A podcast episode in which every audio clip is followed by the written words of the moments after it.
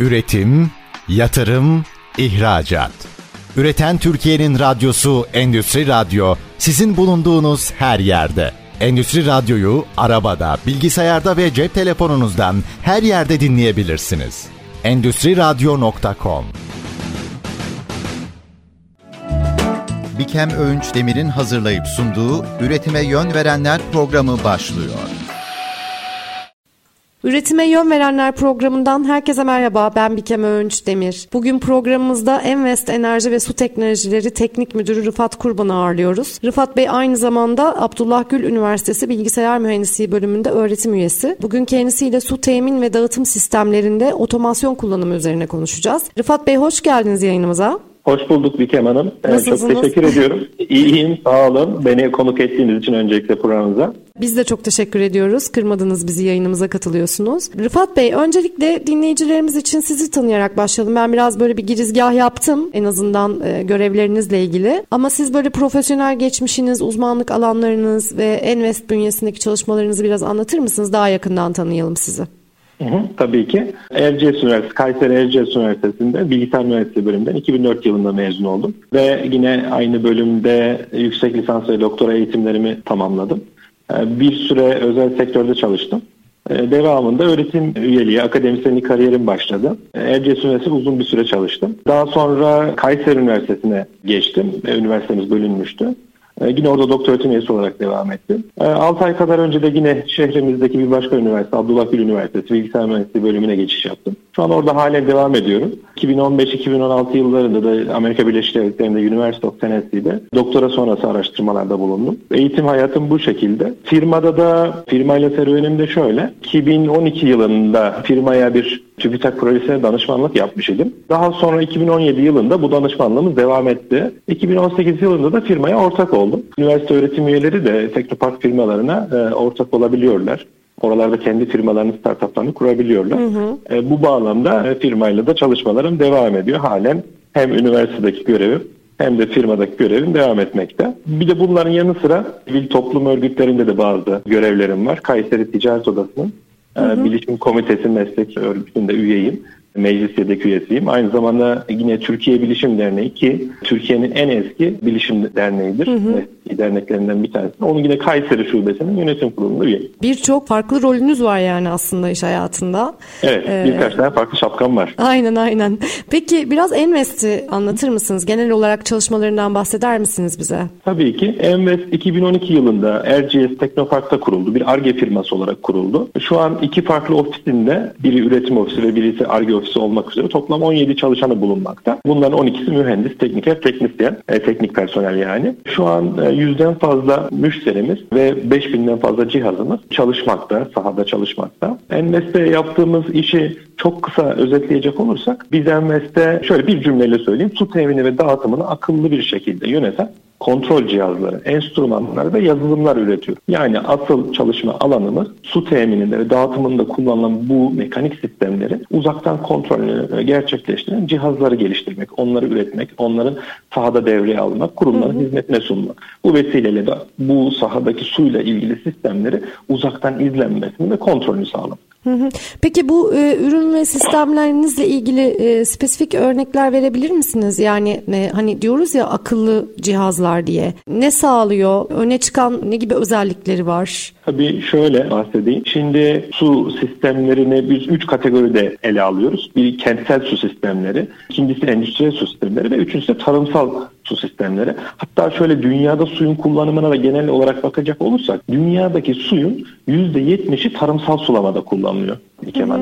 Ve %20'si endüstriyel kullanım, endüstriyel proseslerde %10 kadarı da kentsel, evsel kullanımda kullanılıyor. Burada tabii ki biz iki tane ana ürün kalemimiz var. Birincisi kontrolcüler, sahada çalışan cihazlar yani. İkincisi de yazılım. Kontrolcülerimizle ilgili hem PLC tabanlı, endüstriyel kontrolör tabanlı pano diye tabir ettiğimiz e, makine sektöründe de sıklıkla kullanılan endüstriyel otomasyon panoları var. Bunları uzun yıllar biz de ürettik. E, çeşitli yerli ve yabancı tedarikçilerin ürünlerini bir araya getirerek içerisine de proses yazılımlarını yükleyerek bunları sahada kullandık. Bu cihazların içerisinde tabii ki haberleşmeyi sağlayan işte 4G ile haberleşmeyi sağlayan haberleşme üniteleri de mevcut. E, ve devamında biz son iki yıldır da kendi R2'larımızı, kendi uzaktan kontrol cihazlarımızı geliştirmekteyiz. Bunların yanı sıra bir de yazılım ürün grubumuz var. Yazılım grubu da firma kurulduğu günden bu yana bizim kendi yazılım geliştiricilerimizin geliştirmekte olduğu bir yazılım. Bu yazılım içerisinde SCADA özellikleri de barındıran e, bir su yönetim sistemi. Su yönetim sistemine de belki ilerleyen kısımda değineceğiz evet, beraber. Evet evet ona gel oralara geleceğim zaten e, ana konumuz olarak. Bir şirketle ilgili de şunu da ifade edeyim. Aslında bizim şirketimiz 4-5 tane farklı şirketin bir arada bulunduğu bir grup şirket diyebiliriz. Bizim ana şirketimiz özellikle sondaj alanında faaliyet gösteren 40 yıllık geçmiş olan bir firma. Ve bu firma zamanla kardeş firmaları oluşturarak kendisine bağlı ortakla oluşturarak suyun tüm alanlarına hizmet vermeye başlıyor. İşte sondaj alanında kendisi, e, mekanik malzeme satışında bir diğer firması, projelendirme mühendislik alanında bir diğer firması derken e, bizim Elmes firması ise özellikle suyun teknolojik alanında argesini ve ürünlerini geliştirmek için kurulmuş bir firma olarak ortaya çıkıyor. Aynı zamanda Elmes firması Aselsan'ın da bu alandaki Türkiye'deki tek çözüm ortağı. Beraber onlarla da bazı projeleri yürütüyoruz. İki tane de önemli hususumuz var hı hı. E, bu işi yaparken. Su ve enerji verimliliği. Evet, evet. Su ve enerji verimliliği en önemli başlık. Ona biraz sonra geleceğim. Ben bir de mümkünse eğer böyle bir proje örneği anlatabilir misiniz bize? Yani hani bir projede neler yapılıyor ve nasıl bir sonuç elde ediliyor bu ürünlerle? Aynen. Şimdi otomasyon kısmı zaten bilinen, klasik diye tabir etmeyeyim ama birçok firmamızın çok rahatlıkla yapabileceği şeyler. Ama biz burada firma olarak buraya e, kattığımız katma değer özellikle enerji ve su verimliliğinde. Ben onlarla ilgili çok kısa bir iki örnek vereyim. Mesela enerji verimliliği projelerinde yapılırken öncelikle bu enerjideki sorun pompalardaki yanlış boyutlandırmalardan kaynaklanıyor. Dolayısıyla biz eğer bir pompanın ürettiği su miktarını, debiyi, basıncını ve tükettiği enerjiyi ölçebiliyor isek bu pompanın verimli mi verimsiz mi çalıştığıyla ilgili bir yorum yapabiliyoruz. Bu yorumu yaptıktan sonra orada gerekli revizyonlar yapıyoruz. İhtiyaç varsa mekanik revizyonlar, ihtiyaç yoksa belki bir sürücü kullanarak. Bu, bununla ilgili çok çarpıcı örneği, çok fazla proje örneği var ama en son bir maden işletmesinde yaptığımız bir örnekten bahsedeyim. Evet. Çok fazla örnek var çünkü. Orada e, tabii maden işletmelerinde amaç e, drenaj yapıp suyu e, su seviyesini indirmek orada sağlıklı bir kazı ortamı oluşturmaktır. Dolayısıyla zamanında bir boyutlandırma yapılmış ve biz bir kömür işletmemizde 160 kW e, saatte enerji tüketen bir pompayla karşılaştık. Ölçümlerimizi yaptık ve bir anormallik olduğunu tespit ettik. Orada yaptığımız revizyon neticesinde pompanın enerji tüketimi 50 kW'a düştü. E, yani toplamda saatte 110 kW'lık bir tasarruf olmuş oldu. Ki bu tür pompalar 7-24 çalışan, 365 gün çalışan pompalardır. Dolayısıyla evet. oradaki tasarrufa baktığınız zaman belki 100 bin euroluk yılda enerji tasarrufu sağladık. Bu çok büyük bir rakam yapıyor. Şu an 3 milyon TL gibi Tabii. bir rakam yapıyor yılda. Evet. Bunun gibi örnekler çok fazla. Yine konuşmanın ilerleyen kısımlarında yer geldikçe ben onları da anlatacağım. Tabii tabii bunları daha detaylı bir şekilde mutlaka konuşalım. Bence çok önemli başlıklar, konular bunlar. Zaten şimdi de ben birazcık ona değinmek istiyordum. Hatta daha yeni yani birkaç saat önce ülkemizdeki e, su sıkıntısıyla ilgili böyle bir şeyler okudum. Bu da aslında su ve enerjinin ne kadar hayati değere sahip olduğunu bir kez daha böyle hatırlatıyor bize. Dünyanın da bugün en önemli başlıklar arasında bu konular. Su kaynaklarının kullanımı, su temini zaten hani ilk sırada geliyor dedik. Her geçen günde azalıyor. Bu konuda siz neler söylersiniz? Şimdi şöyle, Türkiye, yani ülkemiz literatüre göre su stresi yaşayan bir ülke. Bunu kişi başına düşen su potansiyeliyle hesaplıyor. Devlet su işlerinin verilerine göre şu anda kişi başına düşen su potansiyelimiz 1300 metreküp bölü yıl bölü kişi. Bu kullanılan e, demek anlamına gelmesin. E, dinleyicilerimiz yanlış anlamasın. Bu varlığımız, su varlığımız. Kişi başına yani toplam ülkenin su varlığını nüfusumuza bölüyoruz. Şimdi bu binin altına düşerse bu rakam Dikem Hanım su fakiri sınıfına giriyoruz. Yani biz çok kritik bir yerdeyiz. Hatta bilim insanlarının 2050 projeksiyonlarında Türkiye su fakiri olabilir diye çok ciddi emareler var. Burada e, kayıp kaçaklar var. Kayıp kaçaklar sadece ülkemizin değil tüm dünyanın sorunu. Hatta şöyle bir istatistik söyleyeyim size. E, doğrudan ve dolaylı olarak bu kayıp kaçakların dünya ekonomisine maliyeti yıllık 140 milyar dolar olarak belirlenmiş Birleşmiş Milletler tarafından. Bu çok devasa bir rakam. Dolayısıyla hani burada çok ciddi şeyler yapılması gerekiyor. Ülkemizdeki kayıp kaçak oranı ise resmi oran şu anda Su Yönetim Genel Müdürlüğü'nün açıkladığı resmi oran %34. Bu ne demek? Ee, çok ciddi 100, bir rakam. Çok büyük bir yalnız. rakam. Yani Tabii 100 birim suyu üretiyoruz. Yani yer altından yer üstüne arıtıyoruz, iletiyoruz ve iletim kısmında yani müşteriye gidesiye kadar e, üçte biri yok oluyor. Bunun bir kısmı hırsızlık, çok küçük bir kısmı hırsızlık, çok büyük bir kısmı ise yer altına o boruların eskimesinden dolayı veya o patlaklardan vesaire sızan sular anlamına geliyor. O zaman bir altyapı eksikliğinden de söz edilir burada. Yanlış mı bir yorum yapıyorum? Tabii maalesef altyapılarımız çok eski. Bazı şehirlerimizde 50 yıl, 60 yıllık altyapılar söz konusu. Bu çok eski asbest borular hala var. Dolayısıyla e, şimdi altyapıda tabii gözükmediği için e, çok hızlı yatırım alamıyor maalesef altyapı. Üst yapılar daha hızlı yatırım alabiliyor. Ondan dolayı bu konuda çok ciddi projeler yapılması gerekiyor. Yönetim Genel Müdürlüğü bununla ilgili kanunlar çıkardı. Hedef şu anda büyük şehirlerde 2028'e kadar %25 oranını yakalamak. Çok değerli bilgiler paylaştınız. Bunları da ben daha sonra bu kayıp kaçak konusunda tekrar açmak istiyorum. Yani neler yapılabilir onu da konuşmak istiyorum. Ama burada öncelikle biraz şeye de değinelim. Bu e, hem enerji verimliliği hem de su verimliliği amacıyla kullanılan otomasyon sistemlerinden siz biraz bahsettiniz. Ama bu alandaki yeni nesil teknolojileri bir kez daha hatırlatalım. Bir de şunu da merak ediyorum. Konuşmamızın başında dediniz ya hani üç farklı alanda hani su kullanımı kentsel, endüstriyel ve tarımsal. Doğru söylüyorum evet. değil mi? Evet e, doğru. Bu alanlar için her biri için değişen teknolojiler ya da ürünler oluyor mu? Buna Hepsinin bahsedeyim. kullanım alanları farklıdır belki de diye soruyorum bunu. Üç aşağı beş yukarı benzer kullanılan ürünler. Yani bizim burada bir kere kontrolcüye ihtiyacımız var ve o kontrolcüye bağlı olacak sensörlere ihtiyacımız var. Yani sahadan ne kadar su ürettiğimizi, debiyi ölçmemiz gerekiyor. Pompanın basıncını veya hat basıncını ölçmemiz gerekiyor ve eğer pompa varsa yine enerji tüketimini ölçmemiz gerekiyor. Ha, sıcaklık vesaire bunlar ölçerseniz bunlar ekstradır.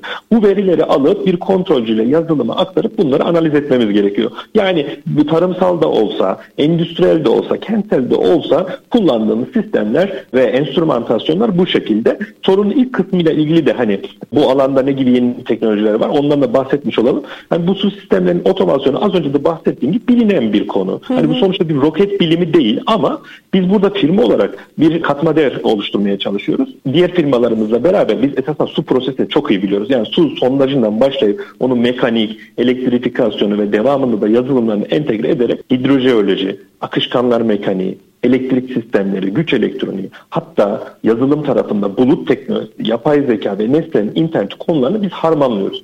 Böyle bir entegrasyon ortaya çıktığı için gerçekten hem enerji verimliliği anlamında hem de su verimliliği anlamında ciddi projeler yapmış oluyoruz ki geçtiğimiz yıl 6.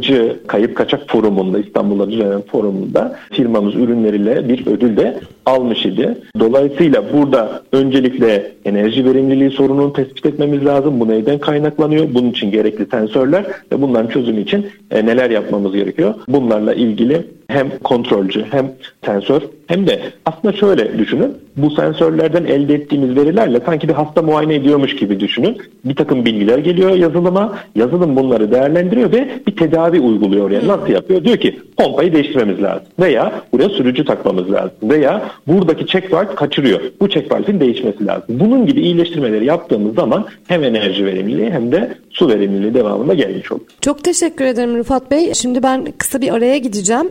Döndüğümüzde kaldığımız yerden sohbetimize devam edelim. Çok değerli bilgiler paylaşıyorsunuz çünkü bizimle. Üretime yön verenlerde kısa bir reklam arasına gidiyoruz. Üretim, yatırım, ihracat. Üreten Türkiye'nin radyosu Endüstri Radyo sizin bulunduğunuz her yerde. Endüstri Radyo'yu arabada, bilgisayarda ve cep telefonunuzdan her yerde dinleyebilirsiniz. Endüstri Radyo.com Üretime yön verenler devam ediyor. Envest Teknoloji Teknik Müdürü Rıfat Kurban ile su temini ve dağıtım alanındaki otomasyon sistemlerini konuşuyoruz. Su kaynaklarındaki sıkıntıdan da bahsettik. Daha da bahsedeceğiz. Rıfat Bey, programımızı yeni dinlemeye başlayanlar için bir hatırlatma olsun, bir özet bilgi olsun isterseniz. Enerji ve su verimliliği amacıyla kullanılan otomasyon sistemleri ve yeni teknolojilerle ilgili neler söylüyoruz? Artık enerji verimliliği, su verimliliği için yapay zekalar devreye girdi. Hani günümüzde artık chat GPT'leri şunları filan günlük hayatta kullanıyoruz. Resimler üretiyor artık yapay zeka. Birçok alanda kullanılıyor. Burada da kullanılıyor. Tabii nasıl kullanılıyor? Sensörlerden aktarılan gerçek zamanlı verileri analiz ederek yapay zeka esasında insan operatörler yerine karar veriyor. Çünkü insan operatörün bir e, limiti var haliyle. İşte bakıyoruz ve bir karar veriyoruz gelen değere göre. O pompayı çalıştırıyoruz, o pompayı durduruyoruz, depoyu dolduruyoruz doldururuz. Buna benzer kararlar veriyoruz. Ama e, sahada e, çok fazla pompamız, çok fazla depomuz, çok fazla şebekemiz var. Büyük şehri yönetiyoruz düşünelim. Dolayısıyla burada ciddi manada e, operatörler yetişemiyorlar haliyle. Burada özellikle Kayseri'de ve Konya'da büyükşehir belediyelerine bağlı su kanal idarelerinde yaptığımız bazı çalışmalar var. Bu çalışmalarımızda TÜBİTAK destekli çalışmalardı. Ben de bir üniversite hocası olduğum için ve alanım da yapay zeka olduğu için oradaki teorik bilgileri e, şu an firmada pratik bilgilerle buluşturduk ve proje yaptık. Bu yaptığımız projede e, bir pilot alanda 16 tane kuyunun bir depoyu doldurduğu bir alan hayal edelim. Buna kaptaj diyoruz. Bu Hı. kaptaj alanında ne, pompalar... Ne, çok özür dilerim. Ne diyoruz? kaptaj alanı diyoruz. Hı hı, tamam. Bu kaptaj alanında bu 16 tane kuyumuz bir depoyu dolduruyor.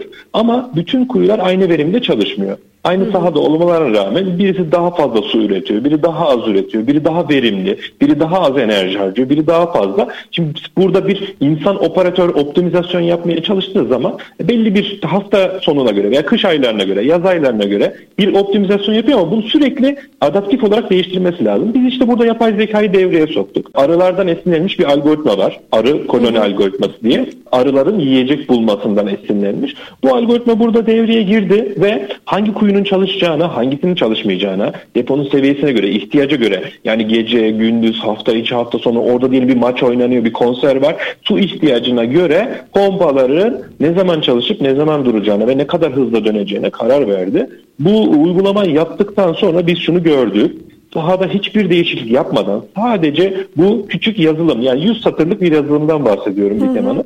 Su enerji üretim maliyeti 1 metreküpü suyun enerji üretim maliyeti 20 watt azaldı. 20 watt bugün bir tasarruflu ampulün harcadığı enerji gibi düşünebiliriz. Çok küçük bir şey gibi ama o alanda, o kaptaj alanında toplamda üretilen su e, yılda 10 milyon metreküp. Hmm. Dolayısıyla orada yılda yaklaşık 50 bin euroluk bir tasarruf e, oluştu. Bu sadece 16 kuyulu olan bir bölgede. Bunu mesela belediyemiz diğer su havzalarında uyguladı ve 2 yıldır bu belediyemiz bu su alanlarında yapay zeka ile pompaları yönetiyor ve çok hı hı. ciddi bir tasarruf sağlıyor.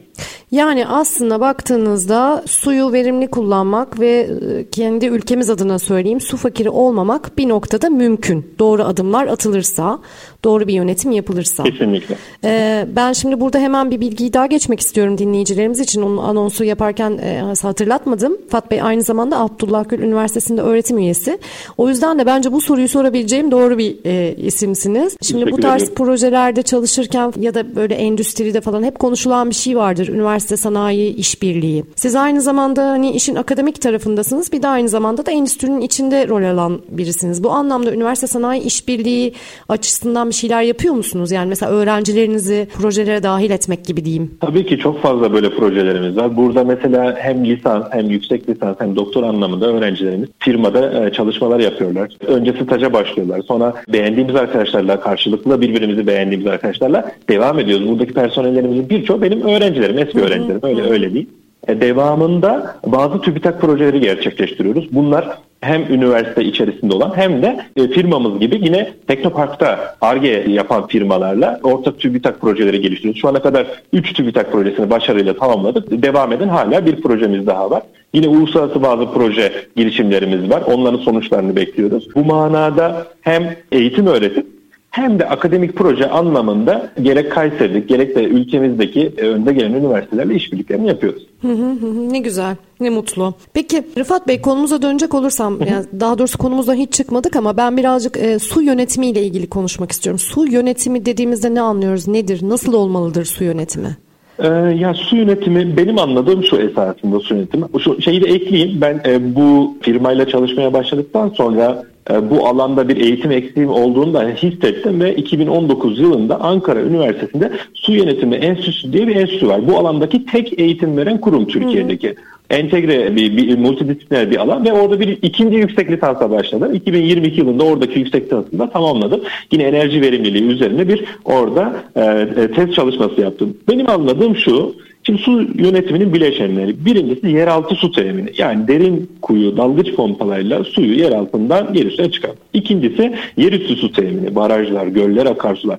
Türkiye'deki birçok şehir sularını kısmen yerüstü kaynaklardan, kısmen de yeraltı kaynaklardan temin ediyor. Evet. Daha sonra bu temin edilen sular eğer ihtiyaç varsa içme suyu arıtma tesislerine gidiyor ve orada içerisindeki kirleticilerden arındırılıyor ve klorlanıyor. Daha sonra terfi pompa istasyonundan terfi hatlarıyla depolara iletiliyor. Şehrimizin coğrafyasına göre dağıtım depolarında depolanıyor. Depolardan e, su şebekesi vasıtasıyla evlerimize, sanayi tesislerine ve tarımsal sistemlere ulaşıyor. Devamında kullanılan su ise arıtma tesislerine giderek arıtılıyor. Yani bu suyun serüveni. Ben bir şehirdeki suyun serüvenini size anlatmış oldum. Bu sistemlerin tamamını yönetebilmek, su yönetimi. Bunların tamamını uzaktan izleyebilmek ve yönetebilmek.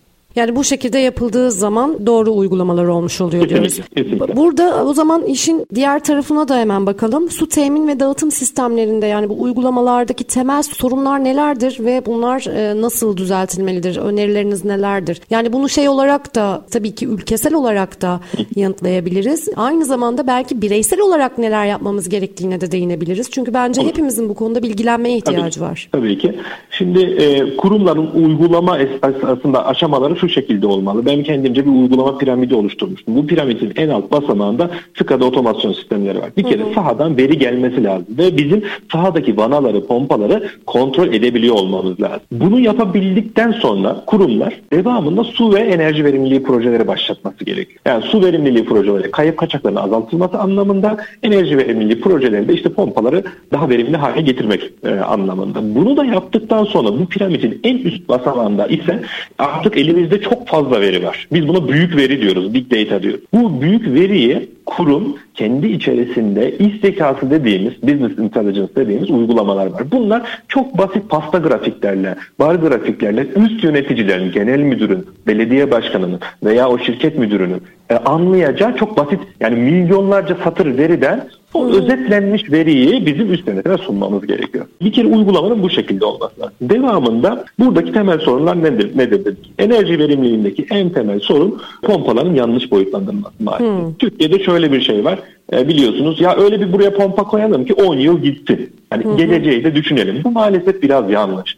E, çünkü pompalar öyle cihazlar ki olması gerektiğinden daha güçlü veya olması gerektiğinden daha az kapasiteli bir pompa koyduğun zaman o pompa maalesef verimsiz çalışıyor. Ve şöyle bir istatistik daha söyleyeyim size bir kenarı. Tabii. E, pompalar dünyada üretilen enerjinin yüzde onunu kullanıyor. Bu çok devasa bir rakam yapıyor. Dünyada yani, kullanılan evet, enerjinin yüzde onunu gerçekten büyük, büyük rakam. rakam. Evet, Hı. kompresörler birinci sırada, pompalar ikinci sıradaymış. Böyle bir istatistik var. Yani böyle olduğu zaman Bizim pompalarda yapacağınız çok küçük yanlışlar bile devasa enerji verimsizliğine sebep oluyor. O manada birincisi bu pompalardaki yanlış boyutlandırma. Tabii şu da olur. Pompa doğru boyutlandırılmıştır ama yer altında şartlar değişmiştir. Yer üstünde şartlar değişmiş. Yani pompanın basıncı değişmiş olabilir, su seviyesi değişmiş olabilir, pompamız aşınmış olabilir. Bunlar olduğu zaman da pompa verimsizleşir. Hatta benim şöyle bir önerim var. Keşke bunu hani İnşallah ben hep e, devlet büyüklerine iletmeye çalışıyorum çeşitli çalıştaylarda, kurumsal aylarda. Yani 30 kilowatt, e, saatte 30 kilowattın üzerinde, 30 kilowatt etiketin üzerindeki tüm pompalar bence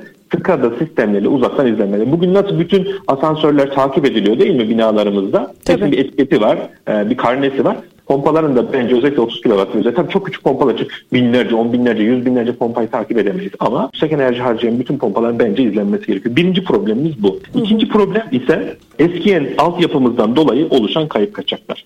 Şimdi hmm. bunu şöyle çok kısa özetleyeyim size.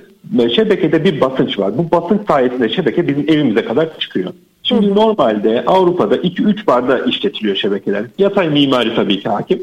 E, bizim ülkemizde yüksek katlı binalar çok fazla olduğu için şebekelerimiz genelde 6-8 bar civarında basınçla işletiliyor.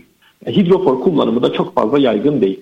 Şimdi bundan dolayı yüksek basınçla işletildiği için şebekelerimiz maalesef kayıp kaçaklar artıyor. Bunu şuna benzedi. Yüksek tansiyon gibi düşünün. Vücudumuzda yüksek tansiyon varsa damarlarımıza baskı yapacak. Yani o bir sürü bize çok farklı sağlık problemlerine sebep olacak. O yüzden e, biz şebekelerde basıncın yüksek olduğu yerlerde basıncı kontrol etmemiz gerekiyor. Hı hı. Çünkü ne kadar çok basınç varsa o kadar fazla kayıp kaçak var. Ve bir istatistik daha söyleyeyim. Şebekelerdeki kayıp kaçakların sadece %20'lik kısmı yüzeye çıkıyor. Onu da vatandaş görüp şikayet ediyor ve oraya müdahale yapıyor. Ama %80'lik kısmını maalesef göremiyor. O geri kalan ne oluyor peki? Yer altına gidiyor. Hatta yer altına da gitmiyor. Daha kötüsü kanalizasyon şebekesine sızıp oradan hmm. arıtmaya gidiyor, oradan denize dökülüyor. Yani milli serveti kaybetmiş oluyoruz. Yazık bir kayıp yani. Çok büyük bir kayıp. Kişisel olarak da tabii ki önlemlerimiz olabilir. Yani bu süremizi kısaltabiliriz.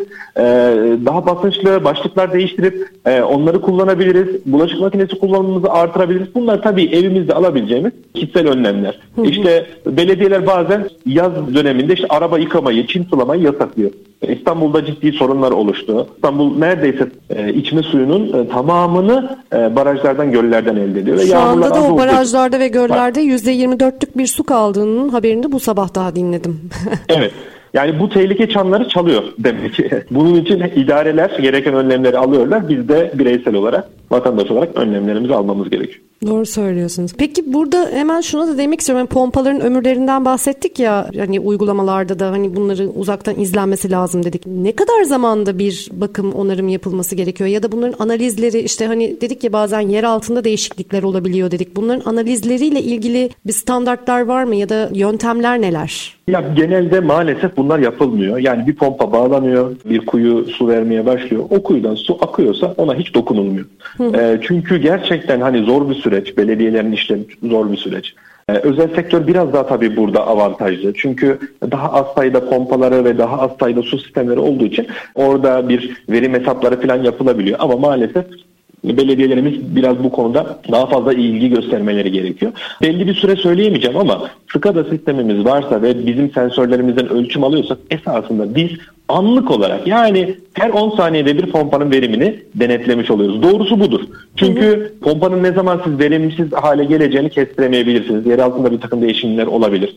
Ee, bir basınç değişimi olabilir e, pompanın ilettiği kısımla alakalı. Bu durumda pompa hızlı bir şekilde verimsiz hale gelecektir. Ondan dolayı ben her zaman şunu tavsiye ediyorum. Özellikle yüksek kilovatlı pompalarımızı mutlaka SCADA sistemleriyle uzaktan takip etmelisiniz. Bu sistemlerle uğraşan herkesin bildiği bir laf vardır.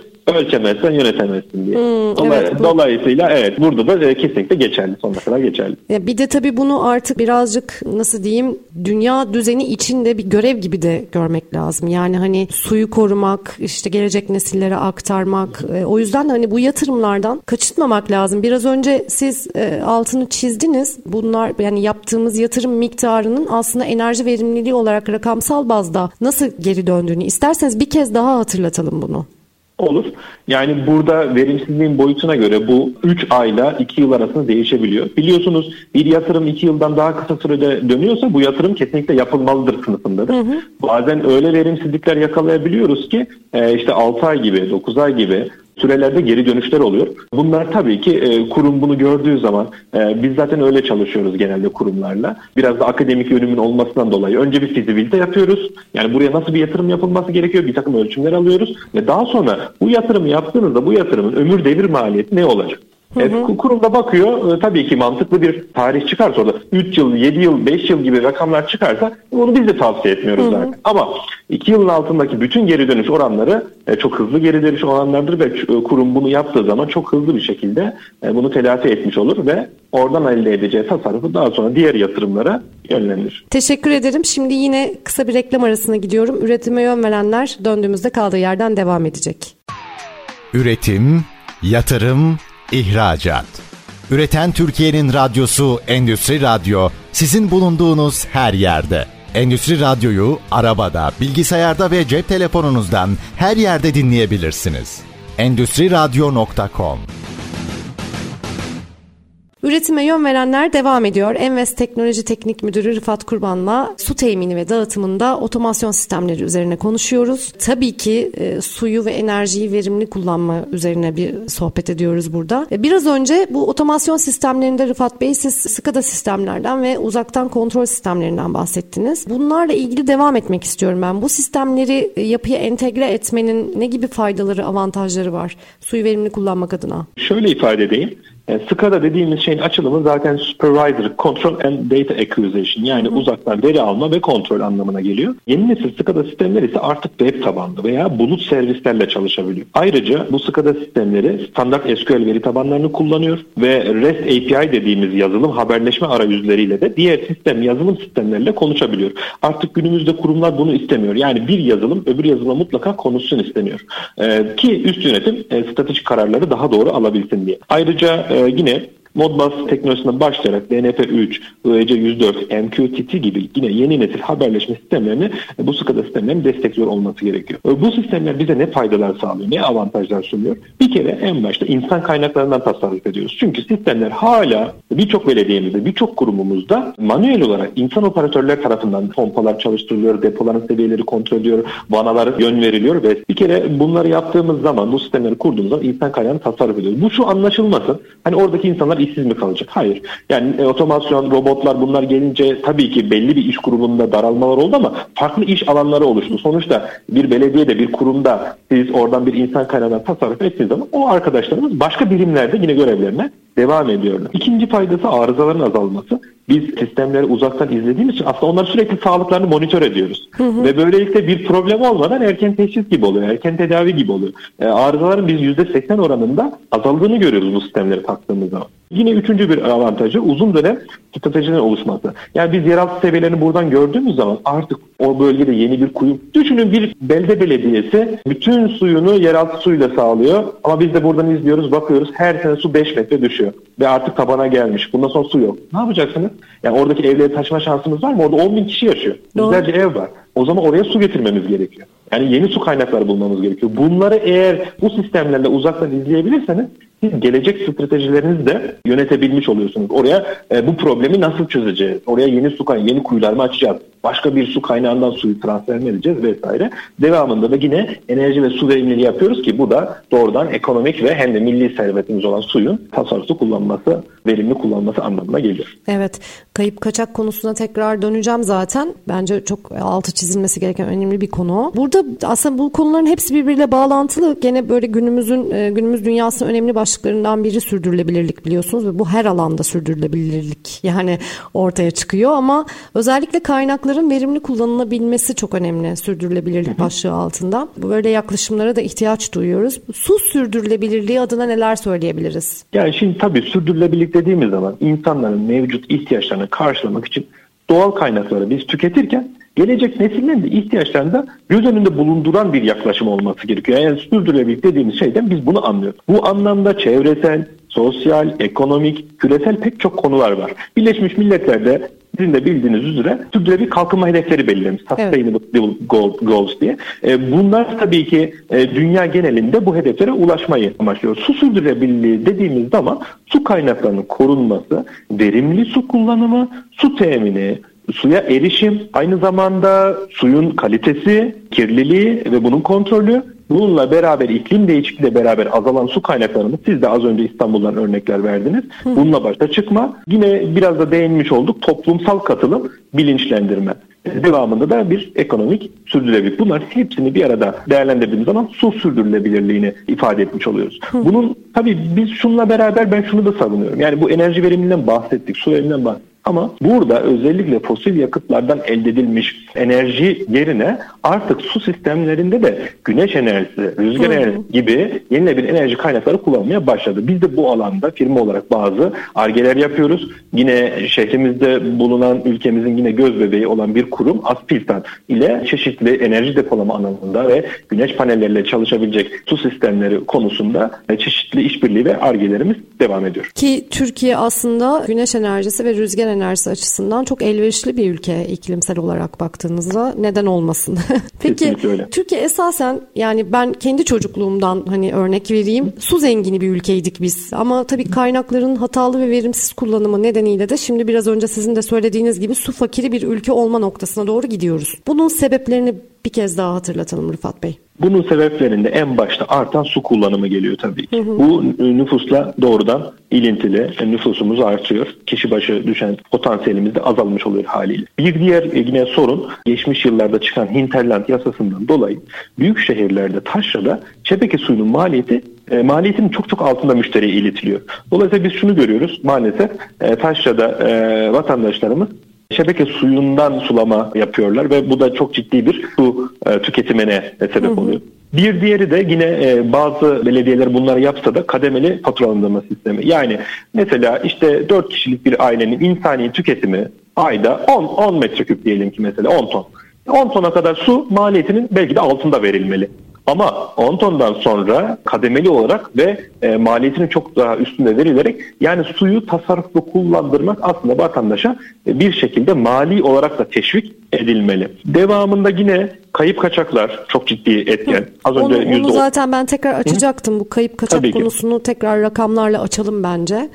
Onu birazdan değineyim isterseniz. Tabii. Kayıp kaçaklar çok ciddi oranda. E, bunlar sebep oluyor. E, diğer taraftan işte az önce de bahsettik. Sahada milyonlarca şu an pompamız var. Milyonlarca su sistemi var. E, yüz binlerce ama bunlar sensör ve otomasyon sistemlerine bağlı değiller. Uzaktan izlenemiyorlar. Kaderlerine bir manada terk edilmiş durumdalar. Tabii bunları yapabilmek için de ekonomik olarak belli bir gücünüzün olması gerekiyor. Siz bir firmasınız bir yatırım yapacaksınız veya bir kurumsunuz yatırım yapacaksınız veya bir çiftçisiniz üretim yapıyorsunuz, tarımsal üretim yapıyorsunuz, su kullanıyorsunuz. Yine bu tür ekipmanlara ulaşımın ekonomik olması gerekiyor. Burada tabii ki yerli ürünlerin ön plana çıktığını söyleyebiliriz.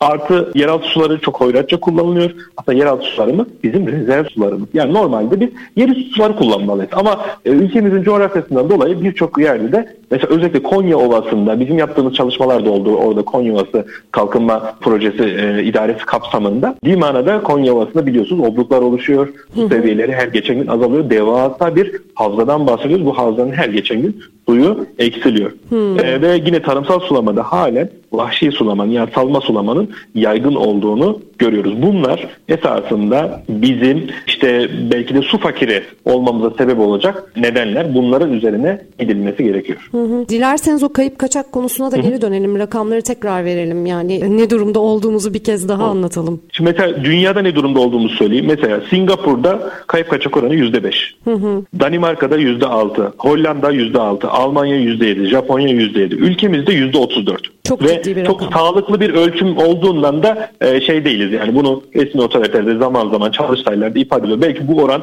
134'ün daha da üstünde olabilir. Onu demeye çalışıyorum yani. Rakam çok veremiyorum ama e, Türkiye içinde de bakacak olursak. Mesela İstanbul %20-25'ler bandındaydı en son açıklanan rakamlarda. iyi bir rakam esasında ülkemiz için. Ama mesela bazı illerimizin %60-70'lerin üzerinde olduğunu görüyoruz. Hı-hı. Tabii e, bununla ilgili de bir yönetmelik çıktı. Bir yaptırımı yok ama Sayıştay da bunu denetliyor. Yani belediyelere diyor ki sen bu sene su kayıp kaçağını indirmek için ne yaptın? Hı-hı. Ne gibi hamleler yaptın? Ne gibi yatırımlar yaptın? Bunlar artık devletimiz sormaya başladı. Dolayısıyla bunlar aslında olumlu gelişmeler. Bu olumlu gelişmeler ışığında bu oranların daha da ineceğini Hı. ümit ediyoruz. Peki diyelim ki bu su yönetimi konusunda doğru uygulamaları gerçekleştirdik. Bu kayıp kaçakların önüne geçtik. Bu rakamlar ne kadar zamanda telafi edilir, iner? Böyle bir çok Şöyle, bir belli bir süresi var mı? Şöyle söyleyeyim. Şimdi çok hızlı müdahaleler de olabiliyor. Çok uzun süreye yayılanlarda. Hı. Mesela şimdi kayıp kaçaklar öncelikle nasıl müdahale ediyor? Nasıl bunları azaltabilir? Bir, biraz orada da teknik bilgi vereyim isterseniz. Hı. Birincisi basınçla ilgili sorun demiştik. Yani yüksek basınç istenmeyen bir şey. Yüksek basınç olursa yüksek çok yüksek kayıp kaçak oranları olur. Basıncı regüle etmemiz lazım. Yani bir kere şehrin hidrolik modelinin çıkartılıp ve orada basıncın basınç zonları oluşturulup o basınç zonlarında yüksek basınç olan noktalarda akıllı vanalar, basınç kontrol vanası diyoruz biz buna. Aktuatör kontrolü vanaları kullanılarak bunlar basınçlar şebekenin ihtiyacına göre. Yani gündüz vatandaş evde kullanırken vanayı açıyor sistem otomatik olarak. Gece hepimiz uyurken vanayı kısıyor. Dolayısıyla kayıp kaçaklardan tasarruf ediyor. Birincisi bu. Hı hı. İkincisi e, bu alanda yine bizim firmamızın e, çok yenilikçi ürünleri var. Ondan da bahsetmiş olalım. İkincisi de eğer fiziksel kayıp kaçaklar olabilir. Patlak olabilir orada ama dedim ya hani %80'i bunu göremiyoruz biz. Hı hı. Yer altına gidiyor. Şimdi bunun için de şöyle bir yöntem var. Aslında böl ve yönet diye. Mesela şehri mahalle mahalle küçük küçük parçalara bölüyorsunuz. Her bir parçaya, her bir mahallenin olduğu ana girişe bir debimetre bir basınç ölçer takıyoruz. Geceleyin orayı ne kadar su geçtiğini izliyoruz. Normalde herkes uyurken orada suyun çok az geçmesi lazım. Sıfıra yakın yani. Ama bakıyoruz ki neredeyse gündüze yakın bir geçiş var. Ama gece herkes uyuyor. Ha diyoruz ki bu bölgede kayıp açık fazla. Yani biz bütün İstanbul'u sokak sokak aramak yerine mahalle bazına düşürüyoruz. Semt bazına düşürüyoruz. Diyoruz ki şu semtte kayıp kaçak çok yüksek. Şurada az. O zaman ne yapıyoruz? Biz personellerimizi o bölgeye gönderiyoruz ve o bölgede geceleyin sizler uyurken oradaki personeller sanki stetoskopla yerin altını dinler gibi özel cihazlarla yerin altında o çırıltı sesini duymaya başlıyorlar. Yani bu şekilde oraları işaretliyorlar. Gündüzde kazı ekipleri geliyor. Bir bakıyoruz orada kocaman bir patlak var. Ama yüzeye çıkmıyordu. Bu yöntemle bulabildik. Ve dolayısıyla oradaki kaçaklar tamir ediyor. En zor yöntem ise e, artık yapacak hiçbir şey yok. Yani şebekemiz o kadar kötü ki neresini tamir etseniz öbür taraftan patlıyor. O zaman çok büyük yatırım gerekiyor. Şebekenin değişmesi gerekiyor. Bunun ise süreci çok uzun. Yani büyük yatırımlar olduğu için ve orada kazı çalışmaları olduğu için ama diğer süreçlerin daha hızlı yapılabilecek. Yani haftalar, belki aylar, belki günler bazında. Ama şebekenin değişmesi gerekirse bu tabii ki yılları bulabilir. Şimdi hani burada böyle su suyun önemine özellikle değiniyoruz ve verimli kullanılabilmesi için neler yapılması gerektiğini anlatıyoruz. Çünkü su olmazsa yani bu su krizi böyle devam ederse verimli kullanamazsak beraberinde sağlıkla ilgili problemler de çıkacak. Çünkü bir hijyen problemi ortaya çıkacak. Gıda ile ilgili çok ciddi e, sıkıntılar ortaya çıkacak. Öyle değil mi? Siz ne düşünüyorsunuz Kesinlikle. bu konuda? Yani belki elektriksiz bir miktar idare ederiz ama susuz hiç idare evet. etme şansımız yok. Çünkü hayat suya bağlı. Su olmasa hayat durur, canlılık devam edemez. Bu sistemler o yüzden çok hayati önemli. Depolar o yüzden var. Yani bir rezerv olması gerekiyor. Yani elektrik gittiği zaman da suyumuzun akması gerekiyor. Su çünkü bu kadar önemli. E, dediğinizde çok haklısınız. Son olarak ben 2024 ile ilgili hedeflerinizi ve çalışma planlamalarınızı da sormak isterim. Yani iş planlarınızda neler var bu alanda? Neler yapacaksınız 2024'te? Evet. Teşekkür ediyorum sorunuz için. Şu an 3 e, farklı kontrolcü ürünümüz üretilmiş durumda, ticarileşmiş durumda. E, yazılım ürünümüz yine öyle. Özellikle önümüzdeki süreçte ölçü grubundan özellikle ultrasonik ölçüm tarafına, debimetre, ultrasonik debimetre ölçüm tarafına da ARGE yapmaya çalışacağız. Ee, devamında da yani 2024 ARGE planımız bu şekilde. Yurt içinde iyi bir pazar payına sahibiz. Yüzün üzerinde müşterimiz var. 6'dan ee, fazla 6-7 civarında Büyükşehir Belediyesi ile çalışıyoruz. Çok fazla yine tarımsal müşterimiz ve endüstri müşterimiz var. Çimento sektörü, madencilik sektörü, buna benzer sektörlerde. Özellikle yurt dışında bir atılım yapmak istiyoruz. Yurt dışı fuarlara katılmak istiyoruz. Yurt dışı müşterilerle buluşmak istiyoruz. Çünkü bu problem sadece ülkemize has bir problem değil. Bütün dünyanın problemi hem enerji verimliliği hem su verimliliği. İkisi de önemli konular. 2024'te inşallah bunları planlıyoruz. Rıfat Bey çok güzel bir program yaptık sizinle bugün aslında. Bence çok da önemli başlıklara değindik. E, su yönetimi üzerine konuştuk. Doğru uygulamalarla kayıp kaçak oranlarını nasıl azaltabileceğimizden bahsettik. Hayati bir konu bence. O yüzden sizin aynı zamanda bir akademisyen tarafınızda olduğu için ne gibi son bir mesaj vermek istersiniz su yönetimiyle ilgili, suyun değeriyle, enerji verimliliğiyle ilgili? Öncelikle programımıza davet ettiğiniz için ben çok teşekkür ediyorum. Çok keyif aldım ben de bu programda. Son olarak da şunu ekleyelim. Sahayı ölçmemiz gerekiyor. Bunun için orada en gerekli enstrümanları, en temel enstrümanları orada kullanmamız gerekiyor. Bunları bir yazılıma aktarıp burada bu büyük veriyi oluşturup bunu analiz etmemiz gerekiyor. Kurumlar için söylediğim bu. Vatandaşlar için ise hem yani evimizde nasıl işte gereksiz lambaları söndürüyorsak, kullanmıyorsak su konusunda da aynı tasarrufu yapmalıyız. Mesela bakın karbon ayak izi diye bir kavram hayatımıza girdi ve çok kullanılır. Şimdi su ayak izinden bahsediliyor. Su ayak izi ise bir mesela bir fincan kahveyi üretmek için mesela 300 litre su gerekiyormuş. Yani o şey için, bu, o prosesin tamamı için söylüyorum. Yoksa kahvenin içindeki su az bir şey su. Ama dolayısıyla artık bu farkındalığı bizim çocuklarımıza e, edinmemiz gerekiyor. Tamam çok teşekkür ediyoruz. Çok ben değerli bilgiler ederim. paylaştınız. Envest Teknoloji Teknik Müdürü Rıfat Kurban konuğumuzdu bugünkü programımızda. Üretime yön verenlerin bugün sonuna geldik. Bir sonraki programda yeni konu ve konuklarımızla görüşmek üzere. Hoşçakalın.